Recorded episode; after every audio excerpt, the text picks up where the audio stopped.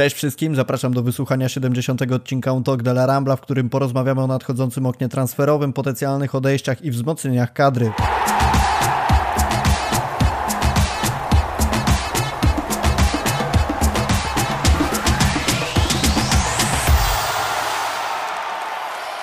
Zapraszamy Was serdecznie do wysłuchania przedostatniego odcinka podcastu Talk de la Rambla w tym roku. Czeka nas jeszcze podsumowanie e, roku, które przygotowaliśmy dla Was wraz z Magdaleną Rudnicką, ale to pojawi się na dniach. Dzisiaj porozmawiamy sobie o transferach, jakie nadchodzą, jakich możemy się spodziewać, bądź też po prostu jakich byśmy chcieli e, uświadczyć w nadchodzących tygodniach, bo okno transferowe, zimowe okno transferowe zbliża się wielkimi krokami. Mamy też pierwszy oficjalny transfer, o nim sobie też na pewno porozmawiamy.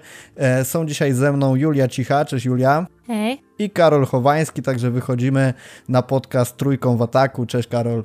Cześć wszystkim, witam serdecznie, hej Julia, cześć Raf. Siemka, siemka. I to jest coś, ta trójka w ataku, czego Barcelona za jakieś 2-3 dni nie będzie w stanie zrobić. Bardzo pesymistycznie zaczynasz, ale jesteśmy tu od rozmów o transferach, także odstawmy te na razie czarne scenariusze na chwilę. E, dobra, słuchajcie, no nie możemy zacząć inaczej niż od transferu Ferrana Torresa. E, młody zawodnik, perspektywiczny, od którego możemy oczekiwać wiele, czy też zawodnik, który okaże się kolejnym Coutinho, kolejnym Griezmannem i zardzewieje nam w kolejnych tygodniach. E, myślę, że to jest taka jedna z ważniejszych rzeczy, o jakich możemy sobie teraz porozmawiać, czyli przede wszystkim to, czego od niego oczekujemy. Jak w ogóle yy, zareagowaliście na ten transfer? Ja powiem od siebie, że Szczerze mówiąc, byłem bardzo zaskoczony, bo przez kilka ostatnich tygodni raczej panowała taka narracja wokół klubu, że Barcelony na wielkie transfery nie stać. Być może Ferran nie jest takim zawodnikiem z absolutnego topu, natomiast ciągle mówimy o reprezentancie Hiszpanii, człowieku, który przychodzi z Manchesteru City i wydawać by się mogło, że raczej transfer trudny do zrealizowania, a Laporta razem ze swoim sztabem ściągają go do Barcelony. Mogłoby się nawet wydawać bez większych problemów poza aspektem sportowym, o którym zaraz sobie też porozmawiamy, ja mam takie wrażenie, że jest to przede wszystkim transfer pokazujący, że jednak zarząd Barcelony dobrze pracuje i jest w stanie osiągnąć więcej niż sobie kibice na ten moment y, mogą wyobrażać. Jakie jest Wasze zdanie na ten temat? No warto też na pewno tutaj y, dodać, że Torres jest wbrew pozorom naj, najdroższym hiszpańskim piłkarzem w historii Barcelony. Żadnego Hiszpana Barcelona nie kupiła nigdy drożej za te 55 milionów, które mogą e, sięgnąć tam około 70, w zależności od zmiennych, ale te zmienne na, nam raczej nie grożą. A do, do e, tego, co, co ty powiedziałeś, to tylko bym dopowiedziała, że sprowadzenie go to jedno, a zarejestrowanie w, do, do gry w lidze to jest z, zupełnie inna bajka i tutaj y, trzeba będzie bardzo negocjować z ligą i z, sprzedawać y, wspomnianego przez ciebie Coutinho czy tam innych Umtitich i tak dalej, e, żeby, e, żeby nasz, nasz Ferran w ogóle mógł sobie trochę pograć. Ale pomijając to, to całe malkontentstwo, to ja tak jak ty w sumie byłam e, zaskoczona nie, nie tyle nazwiskiem, co mm, powiedzmy pokrojem piłkarza, czy, czy też klasą, czy jak to nazwać. No w każdym razie raczej e, ciągle e, mówiono o wzmocnieniach darmowych. Już te listy piłkarzy, którym kończą się kontrakty, znamy na pamięć. Cała szkółka przetrzepana aż do Benjaminu, zaraz dzieci Messiego by tutaj mogły grać w pierwszym zespole. A się okazało, że, że dało się, się ściągnąć zawodnika, który na, naprawdę jest nie zapchaj dziurą na, na dwa lata, tylko może być bardzo perspektywiczny. Ja go sobie tak e, na, nazywam roboczo taki Dembele Plus, bo jest w takim samym wieku, też jest skrzydłowym, e, być może jeden na jeden gra, gra trochę gorzej, ale no, robił całkiem, całkiem niezłe liczby. Grał w lepszym klubie niż Dembele i ma doświadczenie w, w, w Hiszpanii co, co na, na, na pewno działa na jego plus, ale z drugiej strony no, on jest wciąż y, tak tutaj y, nie można mówić o, o pewniaku. I ja ostrożnie raczej podchodziłabym do, do tego, co on będzie w stanie w, w Barcelonie pokazać. Karola, jakie było twoje pierwsze wrażenie, jak zobaczyłeś oficjalkę Ferrana? Zdziwienie, czy można było się spodziewać, że Laporta zaskoczy nas czymś takim?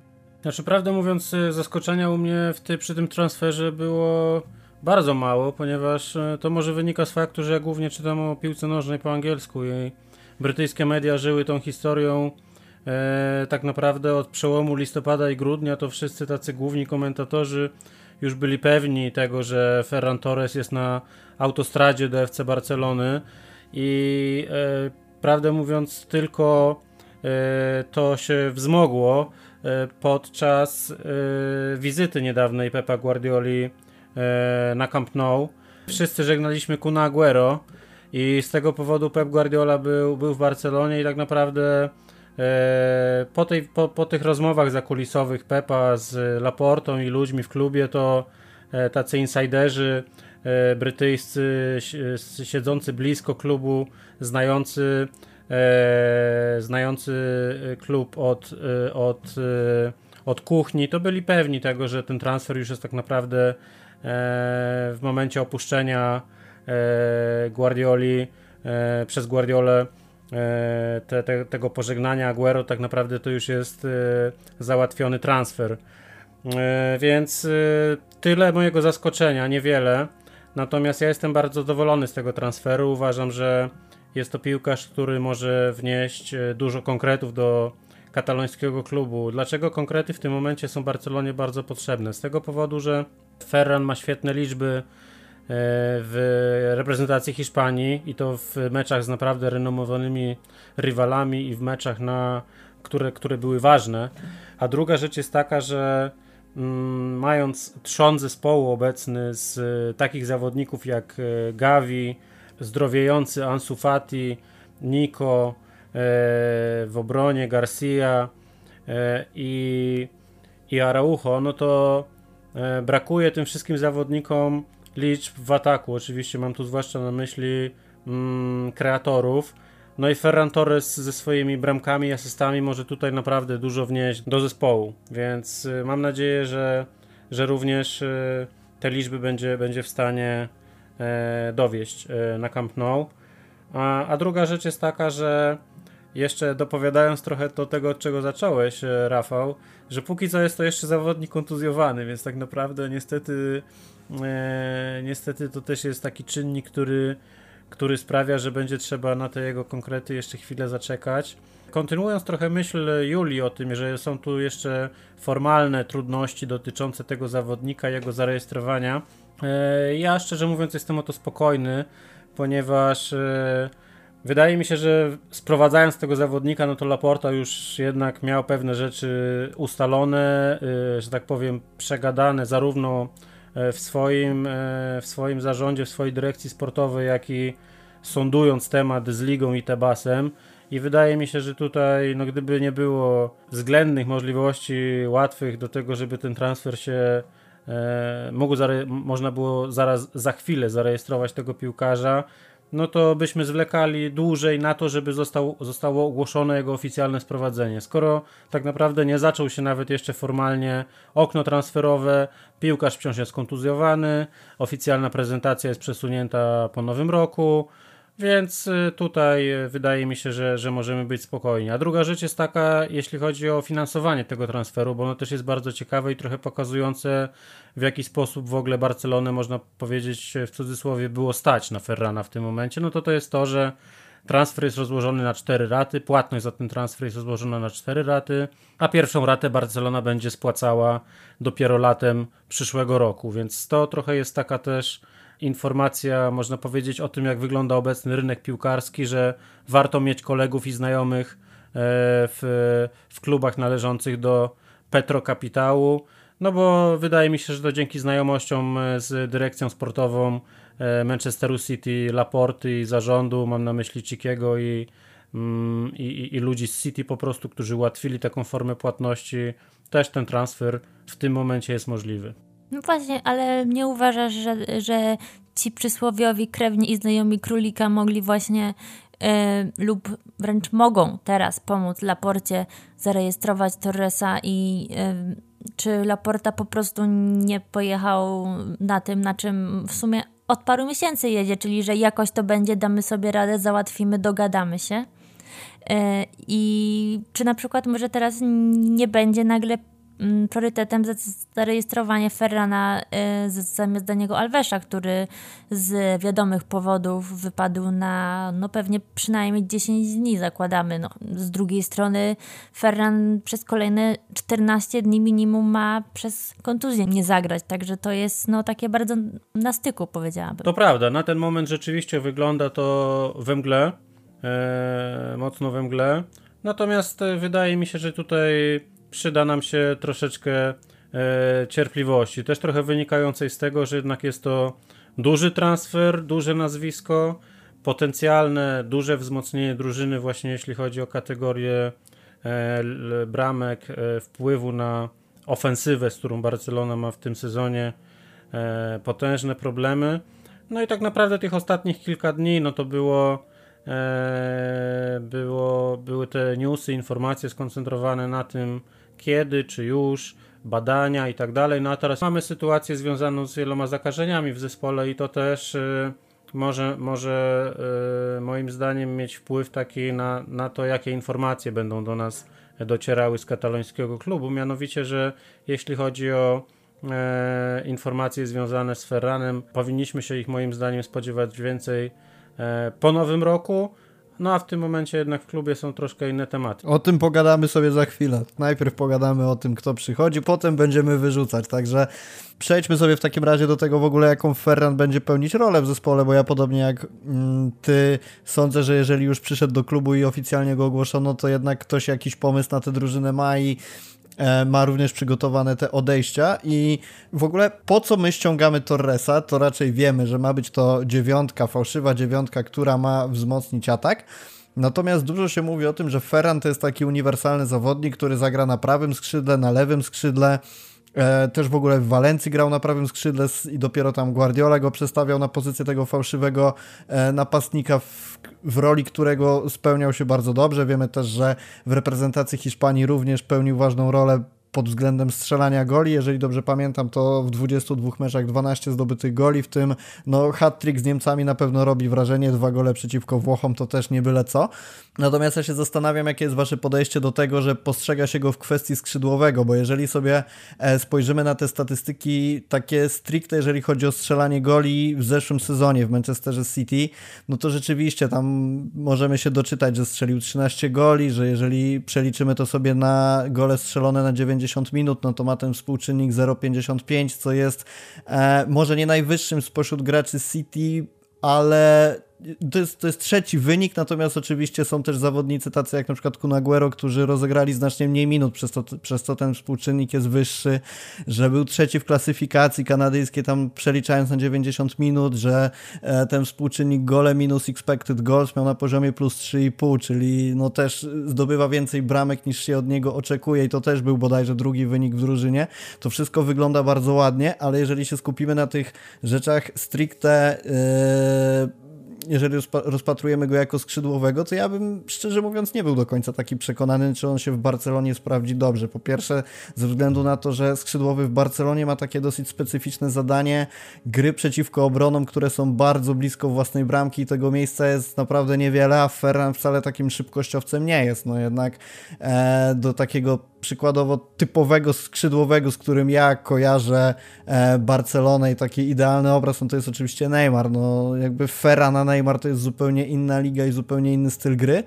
I zastanawiam się, czy jednak te wszystkie głosy mówiące, że Ferran będzie grał na skrzydle, nie są trochę przesadzone. Czy to jednak nie będzie tak, że on będzie bardziej przywiązany do tej pozycji fałszywej dziewiątki i jednak ta jego uniwersalność będzie się raczej skupiać wokół tej pozycji, a niekoniecznie rzucania go po wszystkich pozycjach w ataku. Jak wy to widzicie? Mnie przede wszystkim e, wkurza troszeczkę i być może e, to nie jest na, najbardziej popularna opinia, ale wkurza mnie sprowadzenie do Barcelony zawodników wszechstronnych za wszelką cenę, czyli takie każdy musi umieć wszystko i każdy kolejny piłkarz, który jest z Barceloną łączony wśród, wśród jego zalet, powiedzmy głównych trzech zalet, podawane jest, że jest e, wszechstronny i może grać na każdej pozycji w linii ataku, albo na każdej pozycji w linii obrony, albo z boku obrony i na skrzydle, a jak trzeba to i, i na stoperze ale to jest trochę case Sergiego Roberto, nie? Że on potrafi wszystko, a tak naprawdę nie nadaje się do niczego. Tak, tutaj chyba to jest właśnie ta puenta Julii, tak. Tak, dokładnie.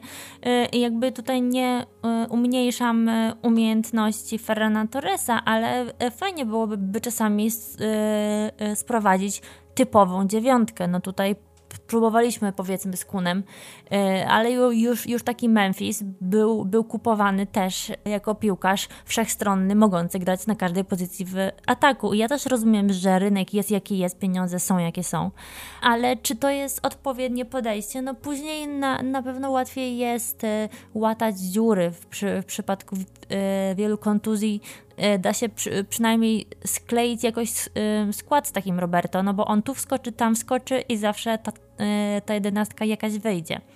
Ale ja podobnie tak jak ja, jak ty Rafał, y, myślę, że jednak Ferran będzie grał y, na środku, bo po, po prostu skrzydła mamy lepiej obsadzone. Kiedy gracze wyzdrowieją, to tam, tam będzie Dembele, no przynajmniej do końca sezonu. Będzie Ansu, będzie no, będą młodzi, tak wiadomo, Gavin na, na skrzydle może zagrać, czy, czy Judla, czy Abde, czy no tam e, parę opcji jest Memphis, tak? Więc, e, więc na, na pewno bardziej przyda się ten e, typowy e, bramkostrzelny piłkarz, którym też nie do końca wiemy, czy Ferran jest tak naprawdę. Karola, ty gdzie byś go wrzucił? Widzisz go na skrzydle, czy jednak zgodzisz się z nami, że głównie będzie to obsada pozycji napastnika? Znaczy ja, z, jeśli chodzi o obsadzenie tak naprawdę Ferrana w tym momencie na boisku, to e, mówiąc wprost, e, nie mam preferencji. W tym sensie, że uważam, że świetni zawodnicy zawsze znajdą ze sobą język na boisku i uważam, że Ferran Torres po prostu jest świetnym piłkarzem. E, fakt, że kontuzje też troszeczkę zahamowały jego rozwój, bo pamiętajmy, że on w zeszłym sezonie w Manchesterze City e, rozegrał relatywnie mało, mało meczów, również e, ze względu na e, problemy ze zdrowiem. I podobnie zresztą było w Walencji. On jakby nie, nie jest piłkarzem, który nagle, który, który co sezon rozgrywał po 50 plus meczów. Mm, więc to też sprawia, że że jest to zawodnik, którego potencjału moim zdaniem pełnego wciąż jeszcze nie znamy. I tak naprawdę wydaje mi się, że z tego powodu w ogóle City było skłonne go sprzedać, ponieważ e, City w tym momencie potrzebuje zawodników na tu i teraz. I, I wydaje mi się, że z tego względu takich jak Mares, takich jak Sterling, takich jak De Bruyne, to są piłkarze, którzy są dużo w zupełnie innym momencie e, niż, niż Torres, jeśli chodzi o rozwój piłkarski. Mm, więc y, wydaje mi się, że po prostu tutaj, tak jak go ustawi Xavi, tak jak y, Ferran będzie się zgrywał w trakcie rozgrywek e, z Fatim, z, De, y, z Memphisem, ewentualnie jak wróci, może kiedyś wróci do, mm, do zdrowia mm, Braithwaite, no to wtedy mamy dziewiątkę już taką go-to zawodnika, tak? I wydaje mi się, że Torres po prostu może z tymi wszystkimi zawodnikami, o których mówiliśmy wcześniej, wymieniać się pozycjami. I to też jest bardzo ważna rzecz. Oczywiście pomijając, prawda, Braithwaite'a czy, czy inną, inną dziewiątkę, jaka będzie, będzie w klubie na wiosnę, bo to może wciąż zostać sprowadzony piłkarz na zasadzie wypożyczenia, mm, o którego nazwis nazwisko w ogóle jeszcze się nie, e, nie przetacza przez media. Więc mówiąc o zawodnikach jak Memphis, Fati, ewentualnie schodzący ze skrzydła Gavi wystawiany w niektórych meczach wyżej.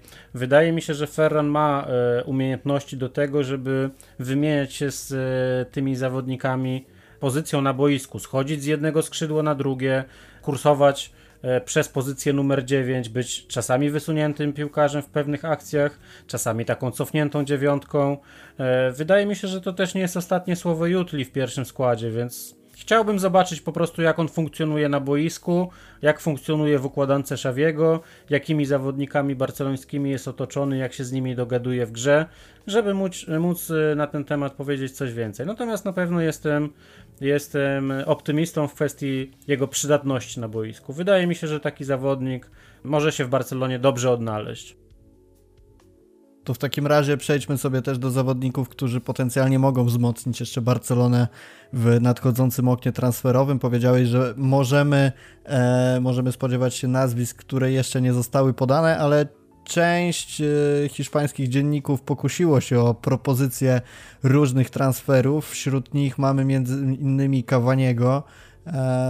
Jak to widzicie? Jest jeszcze szansa na to, że przyjdzie do Barcelony? I w ogóle jak widzicie te transfery zimowe? Czy ktoś jeszcze może przyjść do Barsy? Bo podobno mamy się spodziewać wielu rzeczy, e, wielu szokujących decyzji, jak to e, donoszą źródła klubowe. Natomiast e, na ile obracamy się tutaj w sferze jakichś domysłów, a na ile rzeczywiście coś się potwierdzi? Tak naprawdę y, trudno cokolwiek przewidywać w tej kwestii. Myślę, że z, z kategorii piłkarzy tych tak zwanych mm, darmowych e, jak najbardziej kto, ktoś jeszcze może przyjść e, pod warunkiem, że, że będzie miał rozsądną pensję, co w przypadku Kawaniego takie pewne nie jest. No i też jednak u niego to klub musiałby się zgodzić na to przyjście za darmo, ponieważ on wciąż ma pół roku kontraktu, więc jakieś tam układy musiałyby by być. A pytanie też brzmi, czy my potrzebujemy Cavaniego w momencie, kiedy sprowadzamy Ferrana i zakładając, że jednak ta plaga kontuzji, no przynajmniej o połowę nam się, się zmniejszy. Ja myślę, że nie. Myślę, że, że jednak e, mimo wszystko rozsądniejsze jest spojrzenie w w stronę innych pozycji, których nam, nam brakuje, czyli e, choćby lewa obrona, tak tutaj już od, od miesięcy e, Hosegaja się, się pojawia. To jest oczywiście mm, raczej kategoria tych, tych droższych i trudniejszych do zrealizowania transferów, ale też całkiem fajna e, opcja w postaci Aspliquety, który ma tam bodajże 32 lata, także aż taki stary jeszcze nie jest. E, na pewno poradziłby sobie lepiej niż Roberto, z którym ja nie, nie przedłużałabym umowy. Myślę, że, że tutaj moje zdanie mm, tajemnicą nie jest, e, niż Dest, który no, może jeszcze nie jest do odpalenia, ale no, musi poważnie przemyśleć to, to, co robi na boisku, albo raczej to, czego nie robi. E, no, Dani Alves wiadomo, fajnie, tak, legenda, ja jego bardzo lubię i na pewno z, z grona naszych prawych obrońców da obecnie najwięcej, ale jest to opcja bardzo krótkoterminowa, więc ja na, na przykład zwróciłabym wzrok właśnie na, na um, Aspliquetę.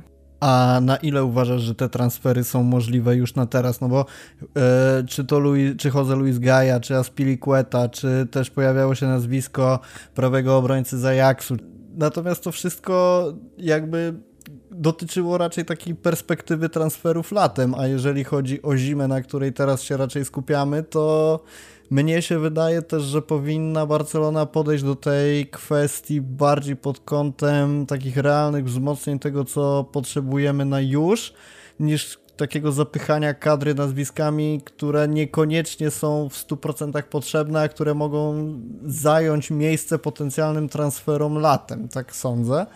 E, to jest taki trochę kazus zakupów Julii w internecie, czyli jak, jak widzę, że coś jest tanie, ale wcale tego nie potrzebuję, ale znaczy w tej chwili, ale jest to coś, co potrzebuję tak ogólnie za jakiś czas w bliżej nieokreślonej przy, przyszłości przyda się i jest na promocji, kupuję. I dokładnie to samo robi teraz Barcelona.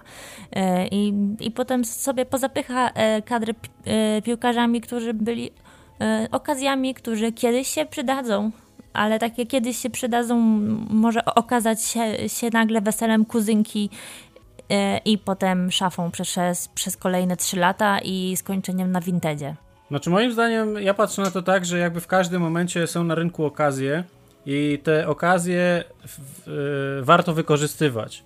To trochę oznacza, że trzeba mieć zaufanie do ludzi, którzy w tym momencie w klubie zajmują się transferami.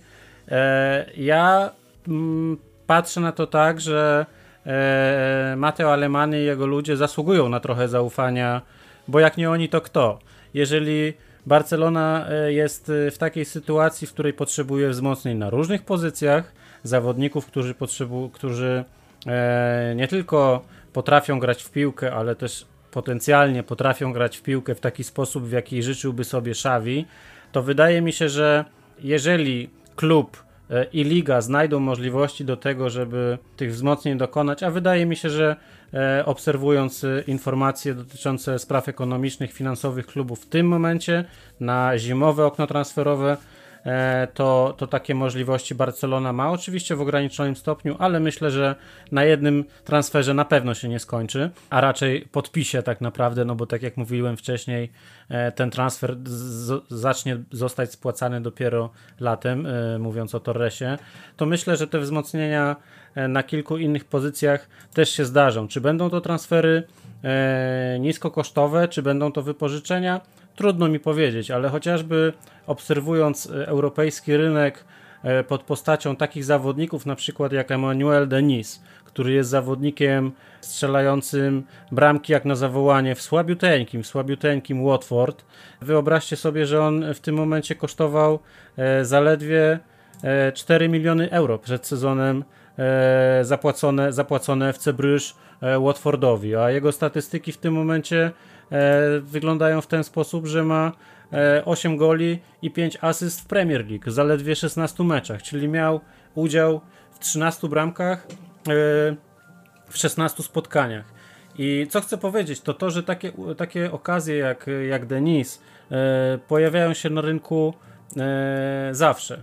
Wcześniej, choć trochę oczywiście kosztował więcej Liverpool, ale podobną okazją rynkową był Diogo Jota. Kosztował ich 30 milionów, a spłacił się tak naprawdę w pół sezonu swoimi golami. I chcę powiedzieć, że Alemany może takich e, ludzi znaleźć e, i to naprawdę jest, tak naprawdę jest jego wielka e, jego, jego po pierwsze jego rola, ale też wielka okazja do tego, żeby pokazać wszystkim sympatykom Barcelony, ile jest wart, ile są warte jego umiejętności, jego kompetencje do tego, żeby e, sprowadzać zawodników na teraz, zawodników, na których może sobie pozwolić klub i, i których po prostu w obecnych okolicznościach można sprowadzić. Wydaje mi się, że, e, że, że, że i takimi okaz takie okazje zostaną znalezione przez niego.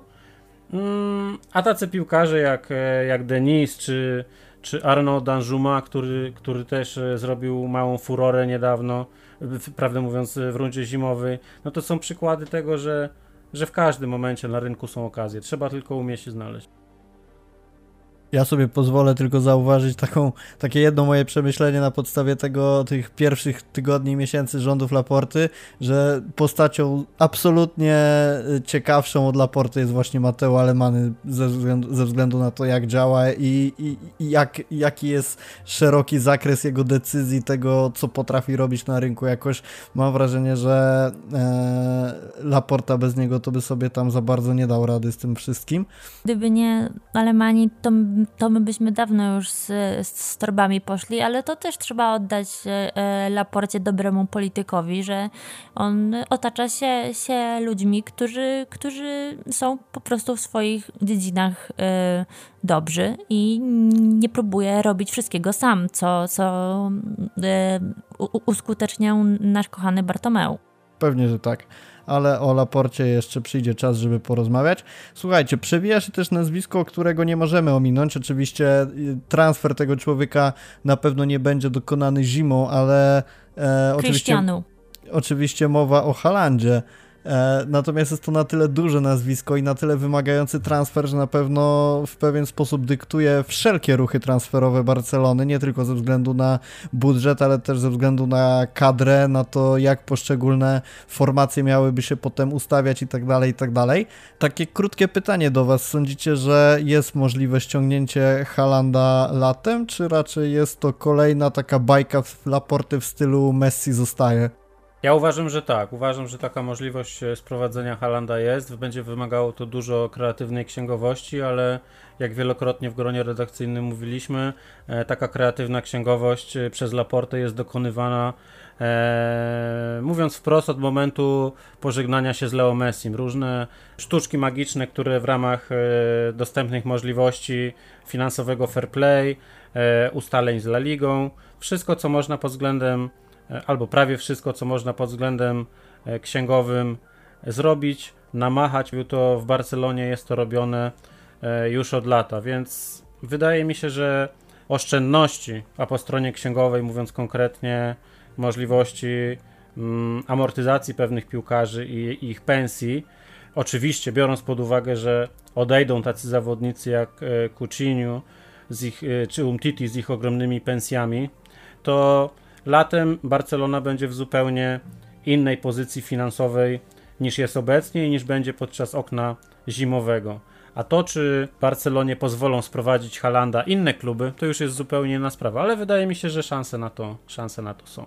Kto obserwuje blisko doniesienia hiszpańskich mediów o finansach Barcelony, ten, ten może być e, może być pewny tego, że, że takie możliwości e, się pojawią za, za pół roku. Dobra, czy w takim razie, Julia, zgadzasz się z Karolem, że jest opcja sprowadzenia Halanda latem? To było krótkie pytanie, więc, więc krótka odpowiedź. Tak, jest. Jest, bo, bo Laporta ma układy z Rajolą i to jest w sumie na, na, najprostsze wyjaśnienie tego. Mm. A pieniądze się, się znajdą i jak nie z, z CVC y, umowa zmieniona lekko, to jakiś tam Goldman Sachs wskoczy i myślę, że, że jak najbardziej. No dobra, to w takim razie przechodzimy do części rozrywkowej podcastu, czyli będziemy dla tych nowych transferów robić e, miejsce, czyli zabawimy się w taką... To, co tygrysy lubią najbardziej, czyli kopa w tyłek Dembele. Tak jest. Może nie od razu zaczniemy sobie od Dembele, ale chociaż jak chcecie. E, słuchajcie, no scena jest wasza, porozmawiajmy o tym, kogo powinniśmy pożegnać już w zimowym oknie transferowym. I podobnie jak w przypadku tej sytuacji z Halandem, myślę, że też warto nadmienić, z kim pożegnamy się po sezonie, no bo jednak na pewno to się łączy z tym, co się będzie działo zimą, także e, tak jak mówię, scena jest wasza, zwalniajcie, wyrzucajcie i czekamy na argumenty. Julia, proszę, zaczynasz. No więc z Dembele kontraktu nie przedłużamy, z Roberto kontraktu również nie przedłużamy.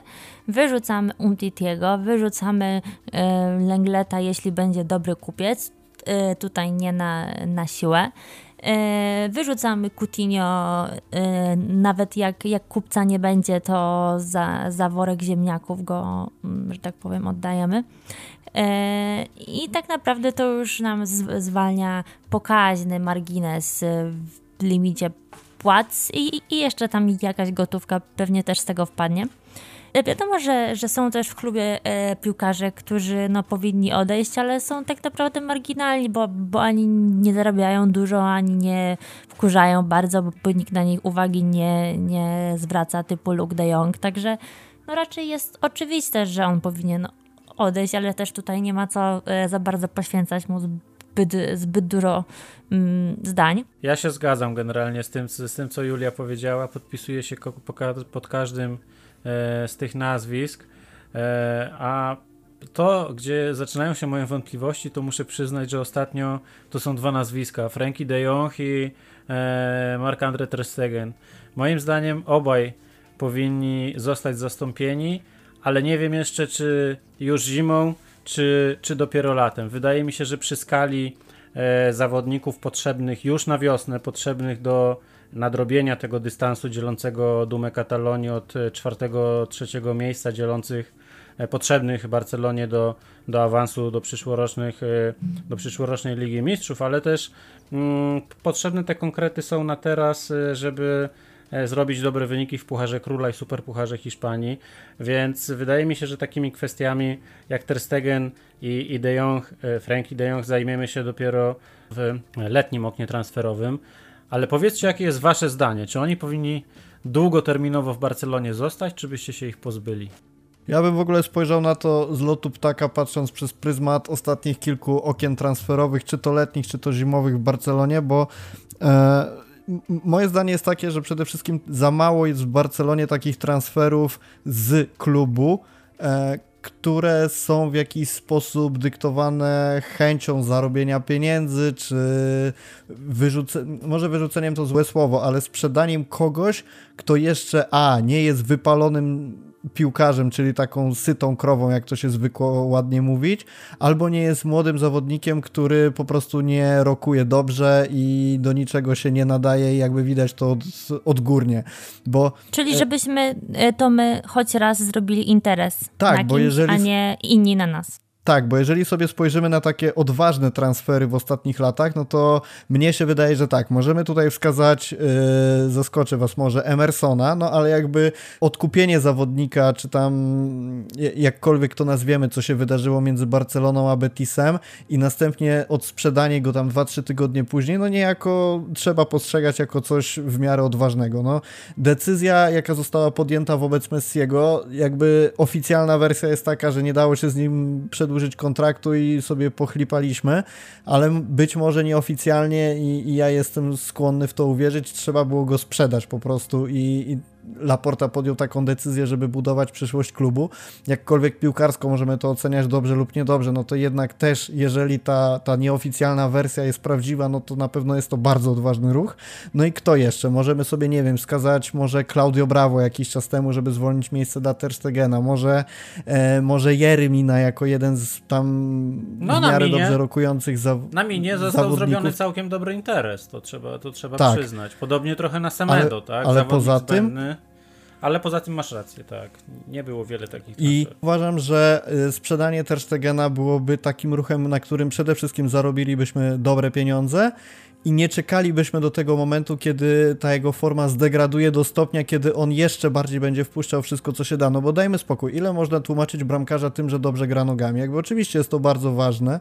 To ja byłam przekonana, że cały twój, twój wywód y, będzie zmierzał w kierunku y, sprzedaży Frankiego. A jeśli to, to wszystko było o, o Matsie, no to ja się jak najbardziej zgadzam. Tak, uważam, tak jak ty, że e, czas też Tegena nadszedł i jakby on się zawsze zachował bardzo w porządku wobec kibiców, wobec kolegów, wobec klubu powinien zostać ładnie pożegnany, ale jednak pożegnany.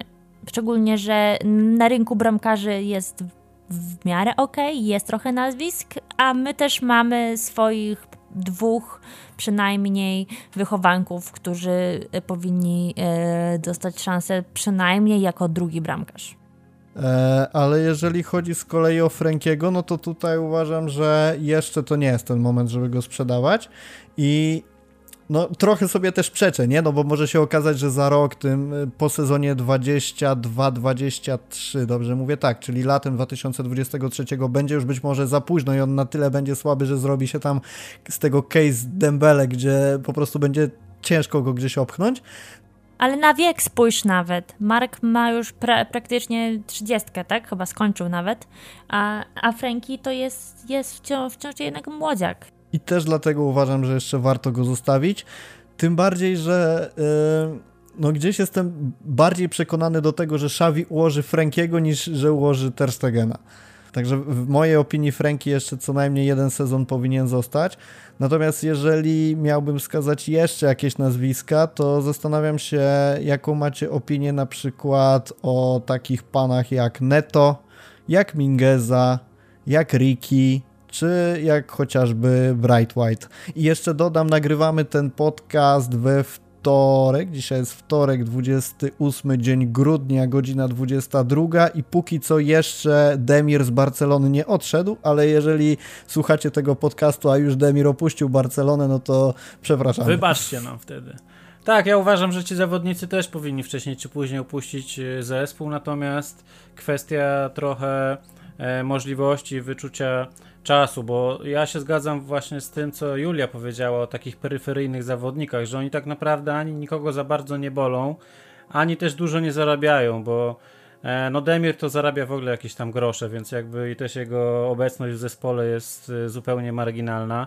No ale taki Mingeza, no to też jest zawodnik, który zarabia bardzo mało e, i, i, i jakby to nie on jest, bym powiedział, problemem, problemem w składzie. Ja bym się prędzej zastanawiał, ile jeszcze, ile jeszcze w klubie powinien zostać Alba, e, czy, czy, czy, czy właśnie e, taki Ter Stegen, bo odnośnie piłkarzy, którzy mogliby wskoczyć do, do barcelońskiej bramki, no to pomijając, pomijając naszych Iniakiego, Iniakiego Penie, który jest takim moim prywatnym faworytem, no to są na przykład na rynku tacy zawodnicy jak Jeremias Ledezma, który jest bardzo ciekawym piłkarzem Kadyksu, kupiony w ogóle z Rosario Central przed sezonem za 2 miliony euro, no co jest w ogóle śmieszną kwotą jak na zawodnika o takich umiejętnościach i takich warunkach fizycznych jak, e, jak Ledezma. No więc e, tak, moim zdaniem z takimi zawodnikami wcześniej czy później, których Rafał wymieniłeś, też należy się pozbyć, ale nie wszystko naraz. Wydaje mi się, że kogoś jeszcze Szawi potrzebuje, żeby, żeby, żeby wchodził z ławki na różne pozycje na wiosnę a taka naprawdę poważna, poważna czystka moim zdaniem w drużynie powinna zajść e, latem przyszłego roku. Julia, a ty jak widzisz rolę takich zawodników właśnie jak Pique, Alba czy Busquets w drugiej połowie tego sezonu i w przyszłym sezonie? Czy jest to ich ostatni e, taniec z Barceloną i w przyszłym sezonie nie będziemy ich oglądać, czy jeszcze przedłużą swoją karierę? Myślę, że przede wszystkim Busquets radzi sobie całkiem nieźle. I tutaj e, widzę bardzo ładne pole e, do przygotowania tej, tej naturalnej zmiany pokoleniowej, czyli do, do tego, e, żeby sobie Xavi wyszkolił następców Busquetsa, no bo to wiadomo, że potrzebny jest więcej niż jeden i, i że, że to może tak naturalnie, ładnie przejść i, i Busquets może skończyć karierę powiedzmy za, za rok, za, za dwa. Alba podoba mi się ten, ten pomysł z jego zejściem do środka, a nie na skrzydło. To jest e, bardzo ciekawe. E, pytanie, jak to będzie działało w obronie, bo póki co tak zagrał w, w dwóch meczach. Z Sewillą było, było całkiem poprawnie. E, no wcześniej między innymi przez, prze, przez jego ustawienie padły dwa, dwa gole, także no, tu może być różnie, ale przy, przede wszystkim e, problem z Albą jest taki, że absolutnie on nie może kariery kończyć, póki my nie znajdziemy choćby przyzwoitego gracza na, na lewą ob obronę, a takiego nie mamy. Więc e, nawet kulawy Alba jest lepszy niż co mecz zapychanie e, lewej defensywy m, prawym obrońcą czy, czy stoperem. Chyba, że, że gramy w ustawieniu 3-4-3, no ale to jest zupełnie, zupełnie inna bajka. E, I kto tam jeszcze Pikę? Myślę, że e, sam, sam Pika będzie e, kończył niedługo. Może nie po tym sezonie, może po kolejnym, ale tutaj o niego bym się nie, nie bała. On będzie wiedział, kiedy odejść, będzie wiedział, jak odejść i, i na, na pewno robi to z, z klasą i wydaje mi się, że jeszcze e, zanim kibice będą mieli go, go całkowicie dość, a też na środku obrony e, mamy e, parę bardzo ciekawych opcji. No jest, jest Araujo, mój ulubieniec, jest Eric Garcia, który z meczu na mecz grywał naprawdę coraz lepiej. Jest ten Lenglet, który no, nie jest taki zły tak naprawdę. E, no, jest Umtiti, który e, powinien odejść. I kto, kto tam jeszcze jest? Na, na środku obrony. Mm, Mingesa, tak, może tam grać, no to już e, powiedzieliśmy, że, że pewnie też prędzej czy później się z klubu zmyje. No mówi się o tych deliktach, tak, o tych Christensenach i tak dalej, i tak dalej, ale póki co akurat ta pozycja jest obstawiona całkiem w porządku. I e, Pique myślę, że ma, ma czas żeby na spokojnie przemyśleć swoją przyszłość? No, nie wiem, czy bym się zgodził z tym, że jest tak super obsadzona, bo Araujo jest ok, wiadomo, top topów, momentami pewnie najlepszy zawodnik Barcelony. Eric Garcia, czy jest to człowiek, który w Barcelonie rozwinie się do tego poziomu, żeby grać każdy mecz po 90 minut, to szczerze mówiąc zastanawiam się nad tym. Życzę mu tego z całego serducha, ale jak to będzie wyglądać? Nie jestem przekonany, czy możemy powiedzieć, że na pewno będzie e, dobrym partnerem na stoperze dla Araujo. E, wymienianie Lengleta i Umtitiego jako obrońców Barcelony raczej powinno być w mojej opinii traktowane Zabronione jako, powinno być jako raczej, ale wiesz, raczej tak. Ale też, ale też trochę e, punkt widzenia zależy od punktu siedzenia. Nasz środek obrony jest obsadzony dość dobrze w porównaniu z, uwaga, lewą obroną, prawą obroną, lewym skrzydłem, prawym skrzydłem, środkiem ataku. E, także, e, no. To się zgadza, dlatego no, trzeba liczyć na to, że, e, że, że tutaj te rozwiązania znajdą się właśnie na te pozycje boczne tak naprawdę. Mówiąc e, boczne mam głównie na myśli e, obronę, obronę prawą, no bo ona jest taka najbardziej, jak Julia oczywiście świetnie podsumowała e, Albę, że no Alba jest jaki jest, ale, ale nikogo lepszego w tym momencie ani w klubie, ani trochę w zasięgu nie ma. A przynajmniej na prawą obronę, no to za chwilę e, za chwilę właśnie, może, może zimą już zostanie pożegnany Dest na przykład. I to, to, to, będą te pieniądze, które klub znajdzie na, na różne inne wzmocnienia e, sprzedawszy, sprzedając właśnie e, Serginio Desta, który tak naprawdę dobrze się zapowiadał, świetnie rokował, ale moim zdaniem w Barcelonie nigdy, nigdy nie odpalił. Nawet ten mecz, e, gdzie chyba e, gdzie strzelił dwie bramki, tak, e, to, to, to, to za chwilę znowu gdzieś tam e, wpadł w marazm taki, który oglądamy w jego wykonaniu e, no, z miesiąca na miesiąc. To, to, to jest stagnacja E, ani nie ma jakichś tam wielkich, e, wielkich awansów formy, ani, ani szczególnych spadków, no ale Barcelona właśnie potrzebuje tej wartości dodanej w tym momencie od takich zawodników. No i ten Nuzair Mazrawi moim zdaniem może być bardzo ciekawym rozwiązaniem właśnie nie tylko na, e, na wiosnę, ale tak naprawdę na, na dłuższy okres. Czy to jest rzeczywiście piłkarz finansowo i, i, i bym powiedział e, organizacyjnie w zasięgu E, FC Barcelony, no to się, się okaże, jak się skończy okienko transferowe, ale moim zdaniem nawet przyjście właśnie takiego zawodnika jak Mazrawi to też sprawia, że e, rośnie jakość zawodników występujących wokół niego. E, na środku obrony również. I jeżeli wreszcie Barcelona by zyskała e, na, środku, na, na prawej obronie obrońcę tak naprawdę, e, no, to, no to być może ci ci środkowi też by mieli wtedy łatwiejsze życie z takim piłkarzem e, obok. No ale o tym dopiero będziemy się mogli przekonać, zależnie od ruchów transferowych klubu podczas tego zimowego okienka transferowego. To zakończmy sobie w takim razie podcast tym, co Julia, czym Julia chciała rozpocząć ten segment z odejściami, czyli panem Dembele. E, ja powiem od siebie krótko. Dla mnie gość jest do sprzedania i nie przekonują mnie żadne argumenty o tym, że on wyzdrowiał, nie wyzdrowiał, że jest dostępny, że jest niedostępny, że jest to jeden z niewielu zawodników w kadrze Barcelony, który ma nie wychowa go żona? przyspieszenie. Nie, myślę, że jego nikt już nie wychowa. I naprawdę to bodajże ile jest u nas? 4 lata, jeżeli się nie mylę i dobrze liczę, nie pokazał swojego potencjału przez te 4 lata. Zmieniali się trenerzy, zmieniało się formacje, Dembele był albo kontuzjowany, albo miał jakieś przebłyski, po których nagle na boisku znikał.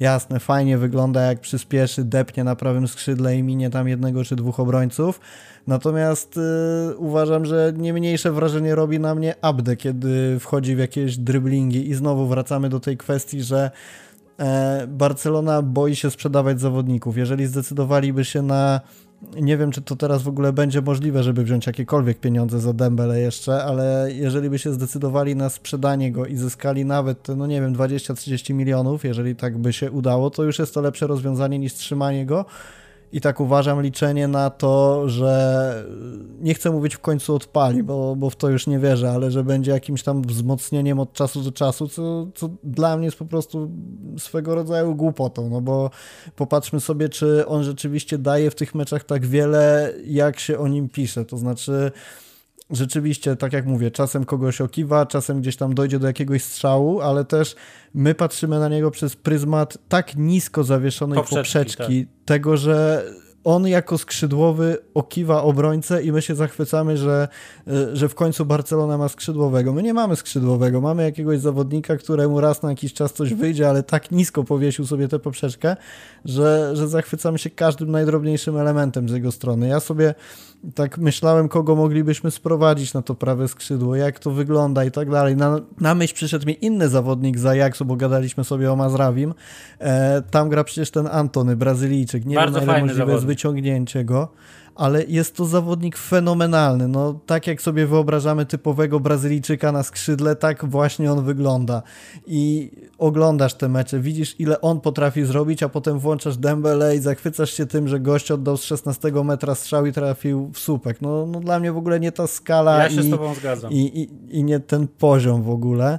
E, no, także takie jest moje zdanie o Dembele i słucham was. Jeszcze, y, jeszcze właśnie jeśli chodzi o Dembele, no to do tego co powiedziałeś, to ja mam taką, e, taką refleksję, że wszystko fajnie i to by jeszcze może przeszło, gdyby on miał liczby, ale ten gość nie ma w ogóle liczb. On nie ma ani asyst w skali całego sezonu, ani goli. E, ludzie się nim zachwycają, jak on zrobi jedną asystę gdzieś tam dającą jakiś wynik 3-2, 2-1. Były takie mecze oczywiście w przeciągu e, tych sezonów 4,5 roku, który gra w Barcelonie. I, i, I, tym się zachwycają ludzie, bo po prostu ta, ta, ta, ta skala tego, co on wkłada do drużyny, jest taka mała, tak? Że nawet y, jedna asysta czy jeden gol w jakimś meczu z ligowym średniakiem to nagle sprawia, że o tym piszą gazety. A dlaczego o tym piszą? Bo Dembele nie daje żadnych innych powodów do tego, żeby o nim pisać. On nie ma 10 strzałów w meczu, e, on nie ma, e, nie, nie notuje hat-tricków nawet z drużynami z niższych lig w Pucharze Króla. E, w, w meczach z Atletico i Realem Madryt on zakłada jakąś e, czapkę niewidkę i, i, i tak naprawdę wszystko to, co powiedziałeś, ja się z tym absolutnie zgadzam. To jest zawodnik do sprzedania, a to, czy, czy klub postanowi najpierw z nim przedłużyć kontrakt, czy nie, wydaje mi się, że tak, taka, takiej potrzeby nie ma. Ja bym już wolał po prostu, żeby go e, obchnięto jak najszybciej. Nawet jeżeli miałoby być to ze stratą finansową, to przynajmniej będzie z korzyścią na, na amortyzacji, bo ta jego pensja nijak nie przystaje do tego, co on daje, daje zespołowi. Jakie jest Twoje zdanie, Julia, na temat Usmana? Rafał swoją wypowiedź zakończył takim i słucham was i ja y, prze, przez chwilę miałam taki mini zawał serca, bo zobaczyłam Krzysztofa Ibisza, który, który mówi biorę po 200 zł z konta każdej z drużyn i słucham państwa. E, I już się bałam, że, że nieświadomie biorę udział tutaj w jakiejś licytacji, a uprzedzę pytania, nie, nawet 200 zł, nawet, no, nawet ja nie wezmę tego dembele, także pytanie, ile my na nim zarobimy, no pewnie nie za dużo, ale myślę, że, że wciąż trochę, bo właśnie ten, ta, ta jego fama, taka chyba właśnie prze, przez to, że, że tak często był kontuzjowany i tak mało się przez to zdążył skompromitować na, e, na boisku, wciąż e, wokół niego jest e, otoczka taka, że jeszcze coś, coś z niego może być i, i myślę, że dzięki temu dałoby się za, za niego wyciągnąć no nie wiem ile, z, z kończącym się kontraktem to może z 30 milionów, no 30 milionów z pocałowaniem rączki jak najbardziej. Pewnie. E, I ja już, już od dawna go skreśliłam, naprawdę Bra brakuje mi na, na niego słów, raczej tutaj jak e, chodzą śmieszki, heheszki,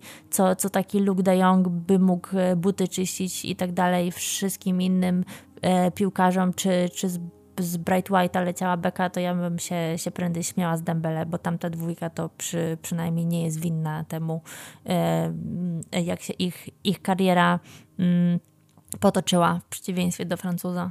Tak, wiele, wiele osób robi biznes na tym, że sprzedaje ludziom marzenia, więc niech Barcelona znajdzie kogoś, komu sprzeda marzenia o Dembele i zarobi na tym jakieś konkretne pieniądze. Dobra, słuchajcie, tym pozytywnym akcentem o sprzedawaniu Dembele zakończmy sobie podcast. E, zamknijmy na chwilę tę karuzelę transferową. O kolejnych plotkach będziecie mogli przeczytać oczywiście u nas w sekcji kwestia godzin na fcbarsa.com. Zachęcamy do tego, żebyście odwiedzali stronę, komentowali, udzielali się na Rambli, a na YouTubie zostawili suba, na Patronajcie pieniądze. E, taka cegiełka finansowa na pewno pomoże nam w rozwoju. Byli dzisiaj ze mną Julia Cicha, dzięki serdeczne za udział. Dzięki. I Karol Chowański. Dzięki, Karol. Dziękuję Wam. Do usłyszenia. A my słyszymy się w kolejnym odcinku, w którym razem z Magdą Rudnicką podsumujemy sobie 2021 rok. Do usłyszenia. Dzięki, na razie.